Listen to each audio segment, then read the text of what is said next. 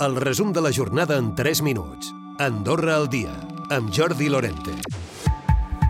El servei d'urgències atén diàriament 140 consultes. És una xifra que s'ha consolidat independentment de l'època de l'any. Així ho constata el cap del servei des de l'octubre, en Jordi Samsó.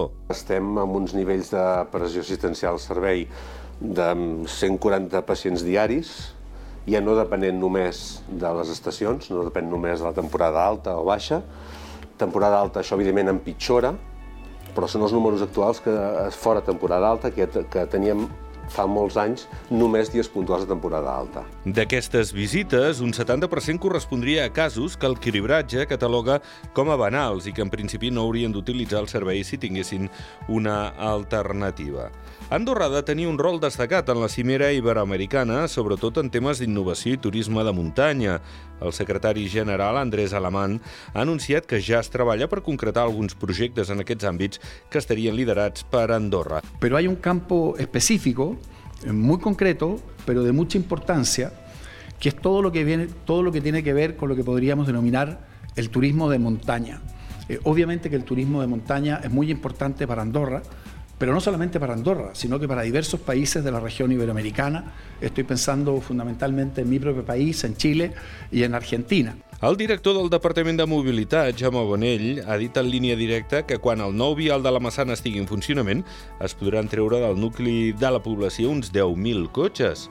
Aproximadament hauríem de treure uns 5.000 al matí i uns 5.000 a la tarda, és dir, de l'ordre de 10.000 cotxes els, els dirigirem per fora aquest nou vial, no?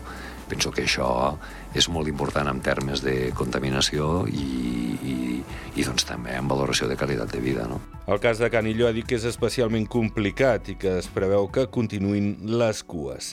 Stop Violències ha organitzat amb la col·laboració d'Amnistia Internacional una nova jornada sobre drets sexuals i reproductius.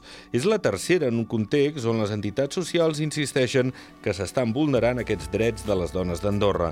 En parla la membre d'Amnistia Internacional, Mònica Costa. Banda de Polònia, en general, a Europa el que hem vist és una tendència positiva en relació als canvis legislatius, no? cosa que entenem que a Andorra eh, no està passant, no? amb les conseqüències que això eh, eh, té per, per les dones i per les nenes eh, sobretot aquelles que no es poden permetre per diversos per diversos motius no poden permetre eh, viatjar a l'estranger per, una, per un avortament segur.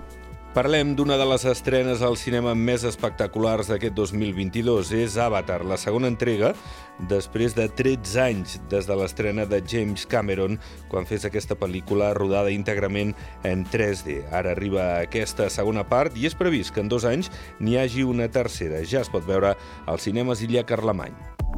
Recupera el resum de la jornada cada dia a Andorra Difusió.